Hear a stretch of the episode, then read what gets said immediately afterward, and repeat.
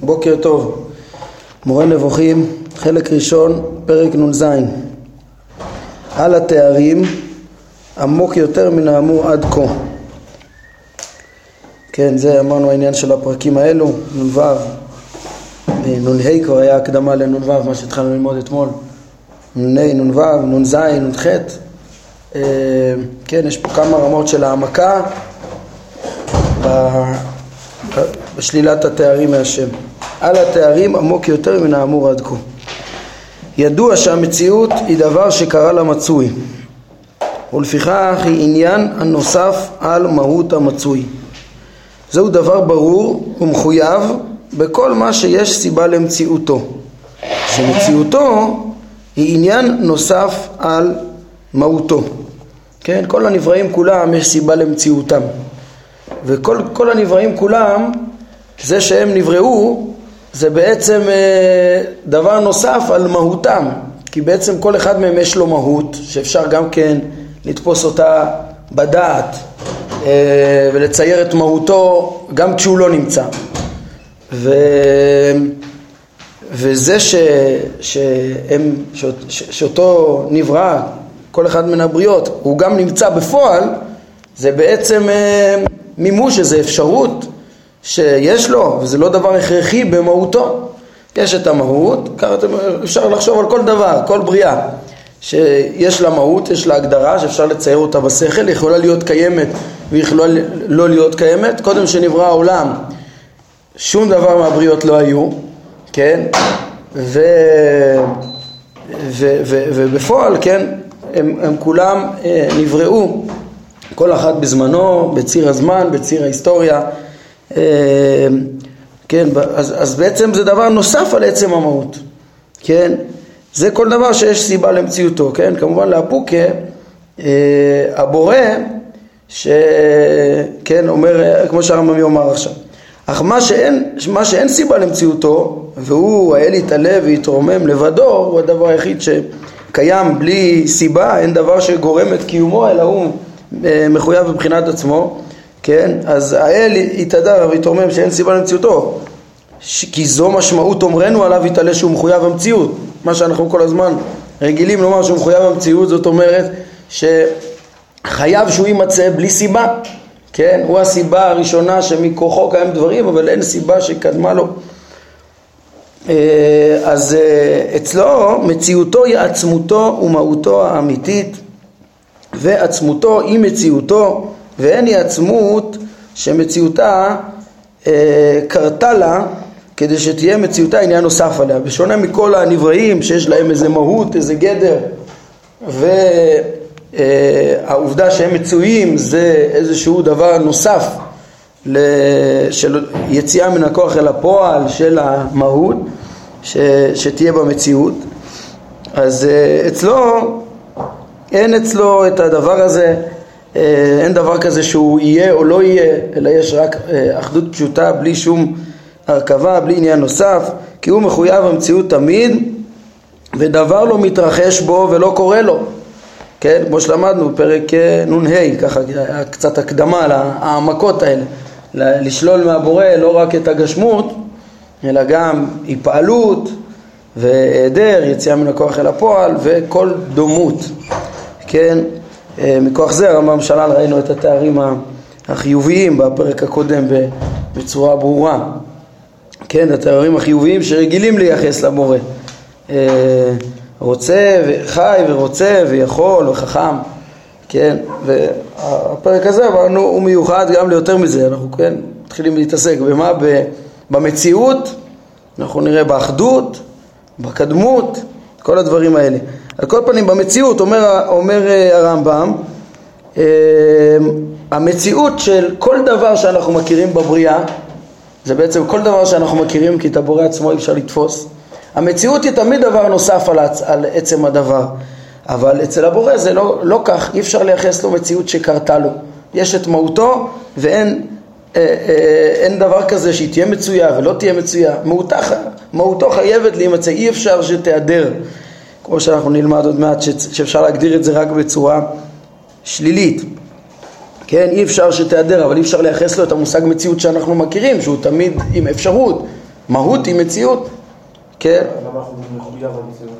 מחויב המציאות, אה, יש בזה, כן, הרמב"ם לאט לאט מעלה אותנו עד ההגדרה הסופית, המדויקת של הדברים, נלמד עליה בפרק הבא, שהכוונה הכרח, כן, שאינו נעדר בעצם. אנחנו לא מגדירים בו את המציאות המוכרת לנו, זה מה שהוא הולך ומסביר עכשיו. הוא מסיק, אם כן, הוא מצוי, מה שאנחנו אומרים שהוא מצוי, לא על ידי מציאות. זה נראה כאילו תחת דסתרי, אבל מי שמבין את משמעות הדברים, הכוונה שמה שאנחנו אומרים עליו שהוא מצוי זה לא במושג המציאות שאנחנו מכירים, כן? וכן חי, כשאנחנו אומרים שהוא חי, מייחסים לו חיים, זה לא על ידי החיים שאנחנו מכירים. ויכול, זה לא על ידי יכולת, מושג היכולת שאנחנו מכירים. ויודע, לא על ידי ידיעה, המושג ידיעה שאנחנו מכירים, כן? בעלי התרים החיוביים מייחסים לו את זה, והרמב"ם בפרק הקודם אומר לא, זה, זה, זה טעות, כן? אין שום דומות. אז כל המושגים האלה, אם, אם אתה רוצה לייחס לבורא, זה לא במושגים, במשמעות שאנחנו מכירים, ואפילו לא במציאות, אלא הכל חוזר, כן? אנחנו לא, לא מגדירים שום אחד מהתארים העצמיים האלה ש, כתארים באמת שקיימים בו, שאנחנו מבינים מה הם, כן? אלא הכל חוזר אל עניין אחד שאין בו ריבוי, כמו שהתבהר, בפרק הבא. היינו שמה שהרמב"ם מבאר שכל מה שאנחנו אומרים זה רק לשלול מאיתו אה, את, ה, את ההפך, את המוות, את החידלון, את ההיעדר, את הסכלות, אבל אין לנו שום יכולת להגדיר בו שום דבר ולא לדמות אותו לשום דבר, רק לשלול.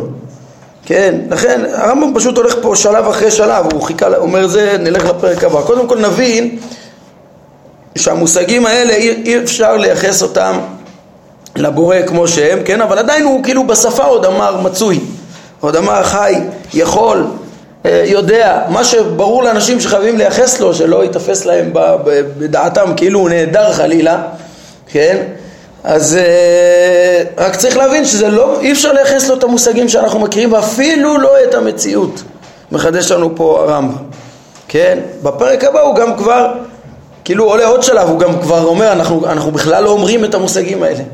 בכלל לא, כן, בפרק הבא הוא יתחיל אותו אה, עמוק יותר מן האמור עד כה. כל מה שאמרנו עוד יותר עמוק מזה, עוד יותר עמוק. השלילה המוחלטת, בלי שום תואר חיוב, כן, אה, מה שעוד צריך לדעת, אז עד כאן זה לגבי המציאות אפילו, כן, אמר את זה הרמב"ם גם ברמז בפרק הקודם וזה, אבל כאילו פה זה כבר, אה, זה פרק המיוחד לזה. מה שעוד צריך לדעת הוא שהאחדות והריבוי הם דברים שקרו למצוי באשר הוא רב או אחד. עוד רמה. אנחנו אומרים שמע ישראל, השם אלוקינו, השם אחד. אז אחד אפשר לייחס לו. זה... עד עכשיו הרמב"ם אפילו לא דן בזה, כן? זה פשיטא דפשיטא, לזה צריך לחנך, לאיחוד השם, לאחדות השם. אומר הרמב"ם אם מעמיקים, כן, אפילו כמו המציאות. גם מושג האחדות לא שייך לייחס לבורא, מושג האחדות שאנחנו מכירים. למה? עוד פעם, כל דבר שאנחנו אומרים עליו שהוא אחד, זה מקרה הכמות. דבר זה יתבהר במטאפיזיקה של אה, אריסטו, וכפי שהמספר אינו עצמם של הנספרים, כש, כשאדם סופר אה, כל דבר שלא יהיה בספירה העשרונית או בכל ספירה אחרת, אז הוא כאילו באותם אה, באותו דבר שהוא סופר את כמותו או את מספרו, יש את המקרה של אותו מספר שהוא ספר. היינו, כרגע הוא בכמות הזאת, במספר הזה, אבל מספר זה דבר תיאורטי, שאפשר לספור אותו בכל מקום, כן? אז ה... ו- ואותו דבר, כל דבר שיש בו איזה כמות מסוימת, באופן תיאורטי אפשר לשנות אותה. להוסיף עליה, להוריד ממנה, זה לא דבר מהותי בו, זה דבר נוסף על העצמות. כן, זה מקרה. אז כמו שהמספר אה, זה לא עצמם של הנספרים, זה לא, אלא זה מקרה שלו, זה מקרה הכמות, כך אין האחדות, כן, גם כמו הריבוי, כך גם האחדות, זה חלק מהמספרים, האחדות זה לא עצמו של הדבר היחיד, כי כל אלה מקרים מסוג הכמות הניתנת לחלוקה, החלים על המצויים המוכנים לקבל מקרים כגון אלה. על כל הבריות, כל הבריות החומריות בוודאי אתה יכול אה, למדוד את, את כמותם ואת מקריהם ו, ו, וכדומה, כן, וכל אחד, כל דבר אחד שמדברים עליו במציאות זה אחד, שכל כל מושג אחד במספר אפשר גם לעשות לו חצי, אפשר לעשות, לחלק אותו לאין סוף, אין סוף חלקים קטנים, אה, אין סוף ספרות אפשר לשים אחרי הנקודה, אין סוף אה, וריאציות. וזה, וכל דבר, ש, כן, המושג אחד שאנחנו מכירים זה, זה מושג על ציר המספרים, בדיוק כמו כל המספרים, והוא כמות, הוא מקרה כמות, לא שייך ממילא לייחס לבורא גם כן את המספר אחד שאנחנו מכירים כדבר נוסף על העצמות, כן, כן. המספר הוא חיצוני למהות, למה אי אפשר לעשות את זה? אם יש פה מאדם אחד, זה לא שמגדיר את האדם. אתה סופר אותו, כן, יכול להיות כמה אנשים, אדם אחד אפשר גם לחלק אותו לכמה, יש בו כמה, הרבה איברים. כן, אבל מספר אחד, זה שאת המספר אחד אפשר לפרוט ולחלק ולספור עוד דברים, לא משנה את הגדר של האדם. כלומר, את האדם אפשר לחלק. זה בדיוק מה, לכן הרמב"ם מגיע למסקנה, זה לא דבר מהותי באדם, בכל פרט שתדבר על מהותו, זה דבר נוסף על המהות. בגלל שזה לא מהותי, מה הבעיה להגיד? בגלל שאני לא מגדיר את לא, אבל, אבל, אבל בעצם אתה, כל דבר שתגיד לו הוא אחד, יש אותו, כן, נגיד יש אלוה, אחד, זאת אומרת, יכול להיות כל מיני אלוהים ו, וכרגע יש רק אחד. לא מספיק לרמב"ם ההבנה הזאת. זה האחדות, האחדות, א', כן, המושג אחדות שאנחנו מכירים הוא, הוא כאילו, אה, תאורטית היה אפשר שיהיה יותר ואפשר שיהיה חצי ואפשר שיהיה זה, וכרגע יש לו את מקרה האחדות. זה דבר באופן אה, פילוסופי, זה דבר שהוא מורכב. אני אומר, וזה דבר שהוא כאילו יוצר הרכבה, חוץ מהמהות גם אחדות, זה הנקודה שהרמב"ם פה אומר, בפרט שהמושג הזה הוא מתחלק גם. אצל הרמב"ם האחדות היא גם, כן, חוץ מזה שזה דבר נוסף על המהות, זה גם דבר מתחלק, זה לא דבר מוחלט, זה לא דבר שבלתי ניתן להרכבה, וכשאנחנו אומרים השם אחד זה לא רק שאין עוד אלוהים, אלא גם שהאלוה אינו מורכב, אין בו הרכבה. בואו נראה רגע איך הוא מסביר את זה. אז הוא אומר, אה, וכפי שהמספר אינו עצמם של הנספרים, כך אין האחדות עצמו של הדבר היחיד. כי כל אלה מקרים מסוג הכמות הניתנת לחלוקה, החלים על המצויים המוכנים לקבל מקרים כגון אלה, כן? דווקא המצויים, דווקא הנבראים יכולים לחול עליהם מקרי הכמות, אבל אצל, אצל הבורא זה בכלל לא שייך, ואילו מחויב המציאות, הפשוט באמת, שאין חלה בו מורכבות כלל, הרי כפי שמקרה הריבוי בלתי אפשרי בו, כך מקרה האחדות בלתי אפשרי בו. כוונתי שאין האחדות עניין נוסף על עצמותו, אלא הוא אחד לא על ידי אחדות, לא על ידי מושג האחדות שאנחנו מכירים. זה, זה דברים דקים ועמוקים שכמו שהרמב"ם אמר פרק אה, ל"ה צריך להתרגל אה, ללוגיקה, ללוגיקה הזאת, הפילוסופית הזאת, הפילוסופיה של המבנה של החומר, ש, של מבנה המציאות, כמו שהוא אמר, אותן הגדרות של החלוקה בין הבכוח לבפועל, לדבר העצמי ומקרב, זה על הבחינה השכלית הזאת הרמב"ם אומר אם לא נרד לעומקה לא נבין את הדברים שלו כן, לא נבין את הדברים שלו, מי שלא מתעסק בזה לא יבין את הפרקים הבאים, ככה אה, הרמב"ם אומר.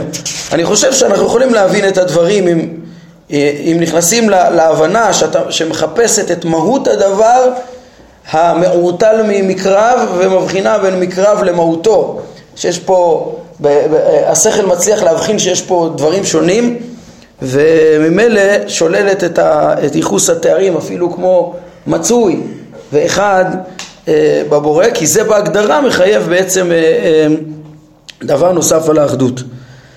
אומר הרמב"ם, בעניינים הדקים האלה, שכמעט חומקים מן הדעת, כן, מי שמתקשה ל- ל- ל- לתפוס את זה, אומר הרמב"ם, תראה, זה לא, זה לא סתם, זה דברים דקים, זה דברים שלמדנו פרק ל"ג, אמר הרמב"ם מפורש, זה כבר אה, רק רמה גבוהה, כן, וגם פה הוא כותב, זה דברים שהם חומקים מן הדעת, אז באלה אין להתבונן באמצעות הביטויים השגורים, שהם הסיבה הגדולה ביותר להטעיה. מי שרוצה לתפוס את הדבר לאמיתתו, שאת העיקר, הרמב"ם פותח את הפרקים האלה, פרק נ', העיקר זה לתפוס בדעת את האמונה, תואר האמונה, כמו שצריך, אז uh, הוא צריך מאוד מאוד להיזהר מהביטויים, כי אותו ביטוי יכול להיאמר במשמעויות שונות, להיתפס במשמעויות שונות. הביטוי אחד, כן, שאנחנו עוסקים בו, אפשר לתפוס אותו כמו האחדות שלנו וזה יהיה ריבוי בכלל. ומאוד מאוד חשוב לדייק ולא לתפוס אותו כמקרה הריבוי אה, אלא כמו שאנחנו אה, נלמד, כן, בלי הגדרה, למורה זה לא אותו אחדות ובפרק הבא הוא ילמד אותנו שפשוט צריך לשלול מאיתו את הריבוי כי אין אה, אחדות שאפשר לתפוס, אין פה משהו דבר נוסף על המהות ורק אם לא נגדיר לא נוסיף על המהות. אז אומר הרמב"ם אין להתבונן באמצעות הביטויים השגורים באלה עניינים הדקים שהם הסיבה הגדולה ביותר להטיה כי אתה לוקח את הביטוי במשמעות שאתה מבין אותו המשמעות הרגילה שמשתמשים בו, כי קשה מאוד מאוד להביע זאת בכל שפה, כן, להצליח, כן, לא משנה איזה שפה שתיקח, להביע את התכנים, אי אפשר, כל ביטוי לא תצליח, כן, אה, כך שאיננו מציירים את העניין, אנחנו לא תופסים בדעת, ממשיגים את העניין, אלא בחוסר דיוק בהבעה, תמיד ההבעה תהיה לא מדויקת, כן, על כן כשאנו רוצים להורות על כך שהאלוה אינו רבים, כן, שזה כולל גם לא מורכב, כמו שאמרנו, אז לא יוכל האומר לומר אלא אחד בביטוי, אתה אומר אחד, אף שהאחד והרבים נכללים בקטגוריית הכמות בדרך כלל במושג שלנו, ופה זה לא המשמעות ואין לנו מילה אחרת.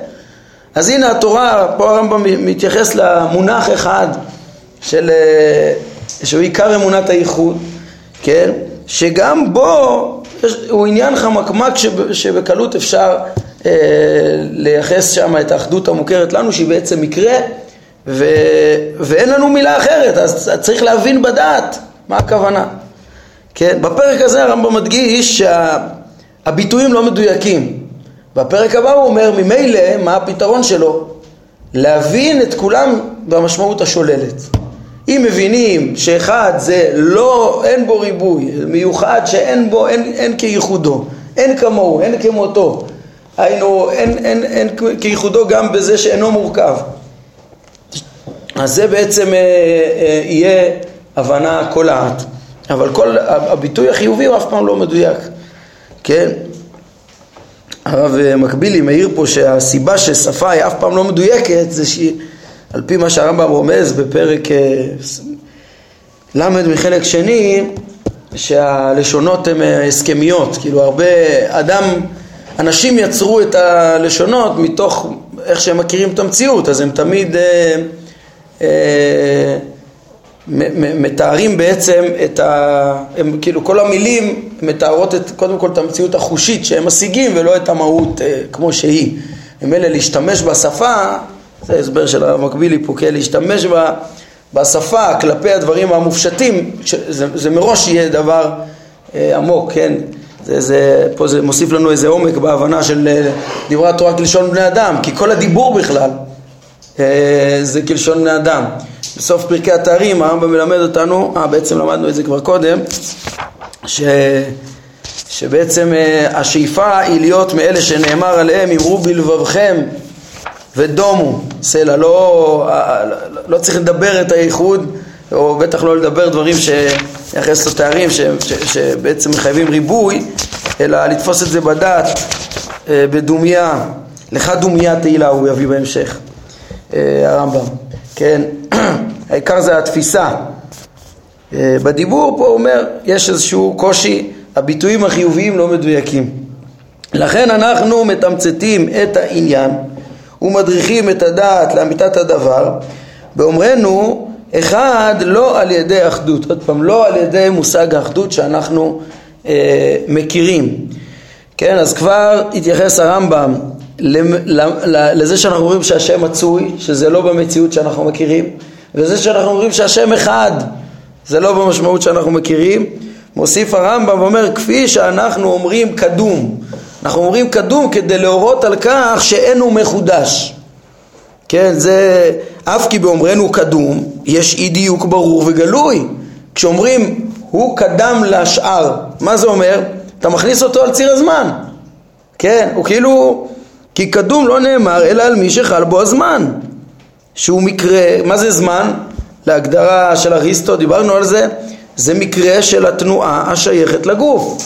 כן, התנועה התנועה במרחב הפיזי, כן, הזמן הוא המעקב של קצב השינויים, קצב התנועות, קצב השינויים שיש במרחב הפיזי, ולפני שהיה עולם לא היה זמן לפי אריסטו, כן? ובדבר מופשט שהוא לא פיזי ואין בו תנועה ואין לו שינוי, אין בו זמן, כן? אין בו את, המוס, את המושג זמן. עכשיו כשאומרים דבר קדם לזה, זה כאילו להכניס אותו לתהליך, כאילו אה, לזמן, אבל הוא לא שייך בזה בכלל.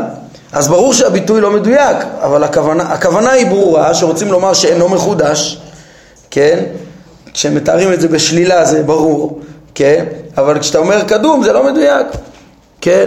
ועוד שהוא שייך לקטגוריית היחס ההדדי, כי לומר קדום ביחס למקרה הזמן הוא כמו לומר ארוך וקצר ביחס למקרה הקו, כן? קו אה, אה, ארוך או קצר, כמו שאומרים קו ארוך או קצר, ככה אומרים דבר שקדם לדבר, זה הכל בתוך מסגרת הזמן והוא לא בתוך המסגרת הזאת.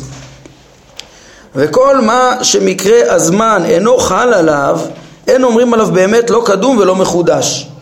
כמו שאין אומרים על המתיקות לא עקומה ולא ישרה, כן? יש, כשמושג הוא לחלוטין לא שייך, הקדוש ברוך הוא לחלוטין לא שייך למושג הזמן, אז לא שייך לדבר, לדבר עליו באיזשהו מושג שבתוך ציר הזמן, כמו קדום, לא שייך. בדיוק כמו, ש, כן, הוא מביא פה דוגמאות, שיש דברים שמתיקות, אה, אה, זה לחלוטין לא שייך לממד, ה, כן, ל, ל, הכמותי, הפיזי, לתבנית, לתבנית, אין מתיקות תבנית כדי שנאמר ש...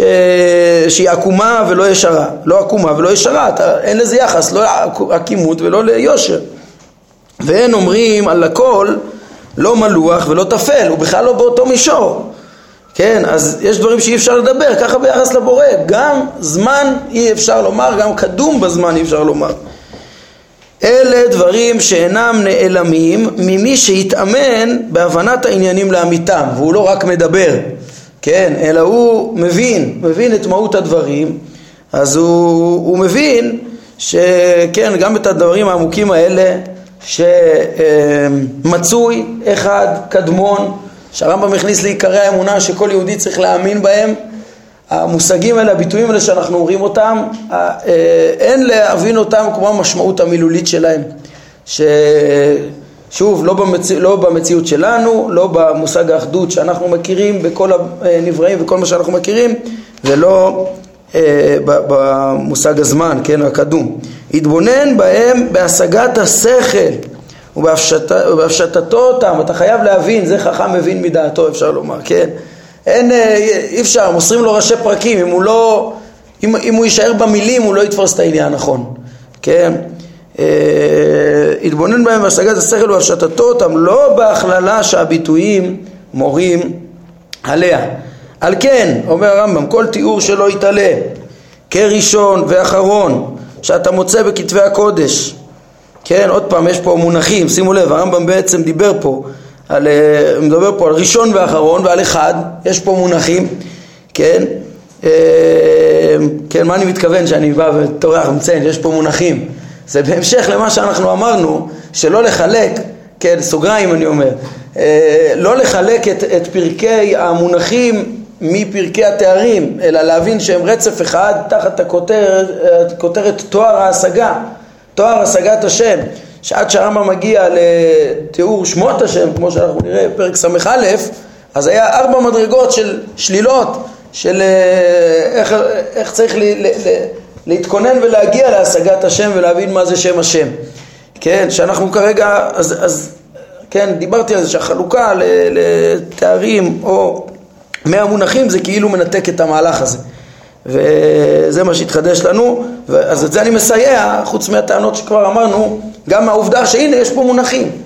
נכון שהרמב"ם היה צריך להרחיב קצת יותר את ההסברה פה, אבל בעצם הוא עוד מסביר, הנה, מהו המונח אחד באמיתות שבכתבי הקודש, היה לנו את פרשת נקרת הצור, מהו רחום וחנון, שזה לא התפעלויות, זה תארי פעולות, מהו, זה בעצם המשך. זה שיש פה פחות את המבנה הקבוע, היציב של אה, המונח ומשמעויותיו, זה לא ינתק את הדברים, כמו שאמרנו שהרמב"ם מראש אמר שזה מטרתו של כל הספר, זה ילווה אותנו, גם שמות השם, המדרגה, השלב החמישי פה, זה יהיה מונחים. קיצור, תשימו לב, יש פה מונחים, סגור סוגריים. אז אומר הרמב"ם, שעל כן, כל תיאור שלא יתראה כראשון ואחרון שאתה מוצא בכתבי הקודש, הוא בדומה לכך שהוא יתעלה מתואר כבעל עין ואוזן. כן, אל תחשוב שזה פה מופשט ומדויק וזה, תשים לב, בשניהם יש אי דיוק, בשניהם יש רק הכוונה ל... להבין את זה שהוא לא תלוי בזמן או לא נעדרת ממנו ההשגה, כן, כמו שכבר למדנו כן, העין ואוזן מסמל ראייה ושמיעה וראייה ושמיעה מסמלת השגה וגם השגה אי אפשר לייחס לו כמו שאנחנו לומדים בפרקים האלה, כן, אלא, כן, לא חוכמה חיובית, לא ידיעה חיובית כמו שהוא כתב פה יודע לא על ידי ידיעה, אלא מה? לא בידיעה מוכרת לנו, אלא מה נלמד בפרק הבא? אה, אנחנו שוללים מאיתו את הסכלות. אין דבר שנעלם מאיתו, זה עין ואוזן. וגם ראשון ואחרון זה לא, לא יכול להיות כפשוטו, זה לא במושגים של זמן. כן, אלא שלא קדם לו דבר ולא יתאחר לו דבר. זה המשמעות של הדברים האלה, כן. למה מופיעים בתורה? כאילו- למה תארי השלילה לא מופיעים בתורה? טוב, נגיע לפרקים הבאים, קודם כל נלמד על תארי השלילה, יש לרמב"ם על זה. פרק נ"ח הוא מגיע למסקנה שהדיוק רק בתארי השלילה. ופרקים נ"ט וס' הם בדיוק עוסקים בזה שאיך יש מדרגות ואיך זה הדרך שהדריכה התורה וחז"ל אז אה, בעזרת השם נתייחס לשאלה. אז אה, כן, כשעומדים בסוף המגדל אנחנו גם נראה את כל, צריך לקחת את כל העקרונות שהרמב"ם לימד, הוא לא... אה, קיצור, אני אדבר על זה, יש כאלה ש... שכאילו קופצים, מביאים את שיטת הרמב"ם שאי אפשר לתאר את השם אלא בשלילה, כאילו רק את המסקנה ואז מקשים עליו, היי, התורה לא מדברת בשלילה. שוכחים שהרמב"ם כתב עד תארי השלילה למעלה מחמישים פרקים, בהם הוא הסביר את, איך התורה מדברת ולמה התורה מדברת ומה העניין, זה תפיסה שלמה. אני... כן, טוב, נגיע לזה בעזרת השם, לא הזמן עכשיו. אומר הרמב"ם, בקיצור, שגם הביטויים ראשון ואחרון לא מדויקים, הכוונה בכך, אלא מה המסר שלהם? היא שאין חל בו יתעלה שינוי ולא מתחדש לו שום עניין. כן, ראשון ואחרון זה לא, לא היה בו שום, מאז ומעולם היה, לא, לא, התחד, לא הוא התחדש ולא דבר אה, קדם לו ולא לא היה בו שום, שום שינוי מהראשית והאחרית של הבריאה ובלי זמן בכלל, אין בו שינוי. לא שהוא יתעלה נמצא בזמן, כך שתחול השוואה כלשהי בינו ובין זולתו הנמצא בזמן אה, ויהיה כך ראשון ואחרון. וכל הביטויים האלה אינם אלא כלשון בני אדם. כמה דיבר הרמב"ם על זה מפרק, אה, כן, בהרחבה, פרק כ"ו, בסוף אה, המונחים של ה... כן, המקום, שאמרנו, יש שם חתימה כזאת, כ"ו, כ"ז, כ"ח, איך התורה מדברת, ומ"ו עד מ"ט, דיברה התורה כלשון בני אדם. אז כן, שכל הביטויים האלה כלשון בני אדם, לומר איך שהם יכולים להבין את הדברים. לא כולם יכולים להגיע עד פרק נ"ז, בטח לא, כן, ולא הלאה. אה, לא כולם יכולים לתאר את האמונה ולתפוס את הדברים כהווייתם המופשטת, כמו שהרמב"ם מסביר בפרק מ"ו, שאין אצל ההמון אה, מציאות אלא החומר. תגיד לבן אדם שאין, שהוא לא מצוי, ושהוא לא אחד, ושהוא לא אה, בזמן, אז הוא יגיד, הוא נהדר לחלוטין. וילך הביתה וילך אחר אה, יצרו, כן, שזה, ולא ידע את האמת, יהיה רחוק מן האמת הרבה יותר, ואם תדריך אותו שיש, מצוי וזה, ויום אחד הוא יבין שזה לא במציאות שאנחנו אה, מדברים, ושהוא אחד, ושלא יעבוד שום אה, עבודה זרה ואיזה הבל אחר, ושיהיה מכוון לעבוד רק אותו, ולאט לאט הוא יבין מה זה אחד באמת, ומה זה שאינו תלוי בזמן, כן? אז כל הביטויים האלה אינם כלשון, אלא כלשון בני אדם, באותו אופן שאנו אומרים אחד, כן, הכוונה היא שאין עוד כמוהו, לא שעניין האחדות חל על עצמותו, כן, ובדברים האלה הרמב"ם כבר אה, מגדיר פה הגדרה של שלילה, שהוא יסביר את הרעיון של מה שייך בכלל לתאר בשלילה אה, בפרק הבא, בפרקים הבאים, איך, אה, כן, באמת אה, זה, נבין את זה. הערה קטנה, קטנה, טוב שעוד נגיד אותה, רציתי להגיד אותה גם פעם שעברה. תשימו לב, פשוט הביטויים שהוא הזכיר פה, שהאחד לא על ידי אחדות וחי לא בחיים כחיינו, וראשון שהוא שולל וזה, זה מי שיסתכל בספר הכוזרי, בסוגיית התארים, כן, הדבר הראשון שהמלך אה, שואל כשהוא נכנס ליהדות, אחרי שהוא הבין שזה דבר מוכח מתוך הניסים, אה, וזו עובדה היסטורית, התורה לישראל וההשגחה וכולי. אז דבר ראשון שהוא נכנס ללמוד את התורה, כשהוא התגייר, תחילת מאמר שני, שואל על עניין התארים. מי שיסתכל על סוגיית התארים ברבי, אצל רבי יהודה הלוי וישווה אותה לסוגיית התארים והשמות אצל הרמב"ם, יראה שהדברים מאוד מאוד מתאימים. אה, בשניהם הכוזרי קודם כל בוחר בתחילת מאמר שני לדבר על התארים של אה, הרחקת ההגשמה ולשלול מהשם כל הגדרה חיובית, לתאר את פעולותיו ולא את עצמותו ותארים שוללים ואחר כך, ב, כן, שם הוא אומר חוץ מהשם המפורש ואחר כך הוא דן בשמות במאמר רביעי. כמו אצל הרמב"ם ועוד נפרט את הדברים יותר אה, בהמשך נראה שיש תארים ואחר כך מגיעים לשמות אחרי הרחקת ההגשמה המוחלטת בהבנת העיקרון של התארים שהם שוללים ולא מגדירים ותארי פעולות. מה שרציתי להגיד בהקשר שלנו זה, לכן אני מציין את זה עכשיו ולא דוחה את זה להמשך, זה שממש צריך להשוות את הביטויים האלה, ראשון ואחרון, הכוזרי מביא את זה שם ואומר שהם תוארים שוללים והמושג חי ולא על ידי חיים כחיינו זה מושג שמופיע שם כדוגמה לתארים השוללים וההסברות מאוד מאוד דומות כן, ועוד נראה בהמשך עוד אה, דימויים, אבל בגלל שהדימויים האלה נמצאים כאן, היה חשוב לי לציין את זה כאן. טוב, אנחנו נעמוד כאן להיום, ברוך אדוני לעולם, אמן ואמן.